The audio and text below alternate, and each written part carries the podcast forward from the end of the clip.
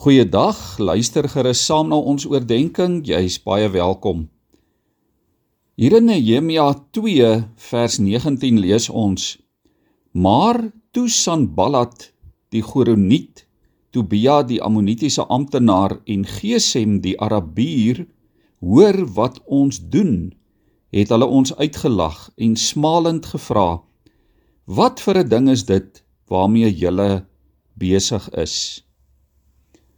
Liewe vriende, dit was darmar baie lekker om Saterdag te sien hoe die bokke die Wallabies pak gee op die rugbyveld. Maar die oorwinning was egter nie so eenvoudig soos dit dalk gelyk het nie. Dit het harde werk en toewyding gekos. En die oppositie het dit nie noodwendig maklik gemaak nie. Elke keer wanneer jy en ek na 'n sportwedstryd kyk of na 'n geleentheid of dalk self deelneem, dan herinner dit ons daaraan dat 'n mens ook oppositie in jou lewe kan teekom. Die lewe ook vir gelowiges is nie elke dag maanskyn en rose of altyd net lekker of maklik nie. Dikwels is daar teenkanting of uitdagende omstandighede. En dit moet ons as Christene nie verbaas nie.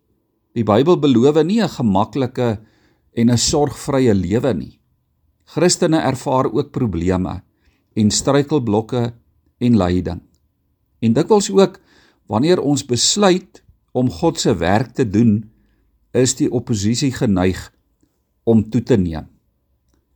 Nehemia se werk was nie anders nie. Ons lees dat Sanballat en Tobia gekant was teen dit wat hy gedoen het.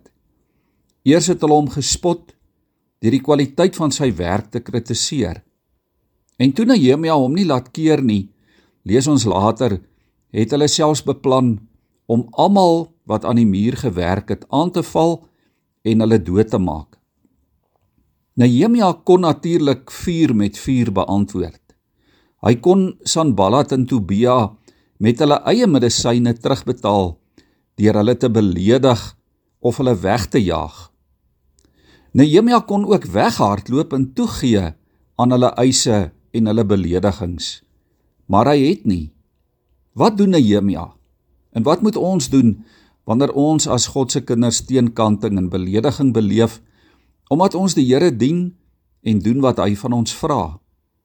Verlede week het ons so duidelik en mooi gehoor dat ons heel eerste moet bid ongeag watter soort teenkanting jy in die gesig staar. Die regte ding om heel eerste te doen is om God se hulp te vra. Tweedens moet ons soms ook ons oog hou op die wenstreep.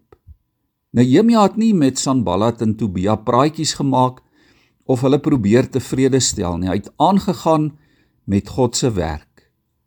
En Nehemia en ander gelowiges het saamgewerk. Nehemia het hulle ook vertrou. Hy het nie die muur op sy eie herstel nie.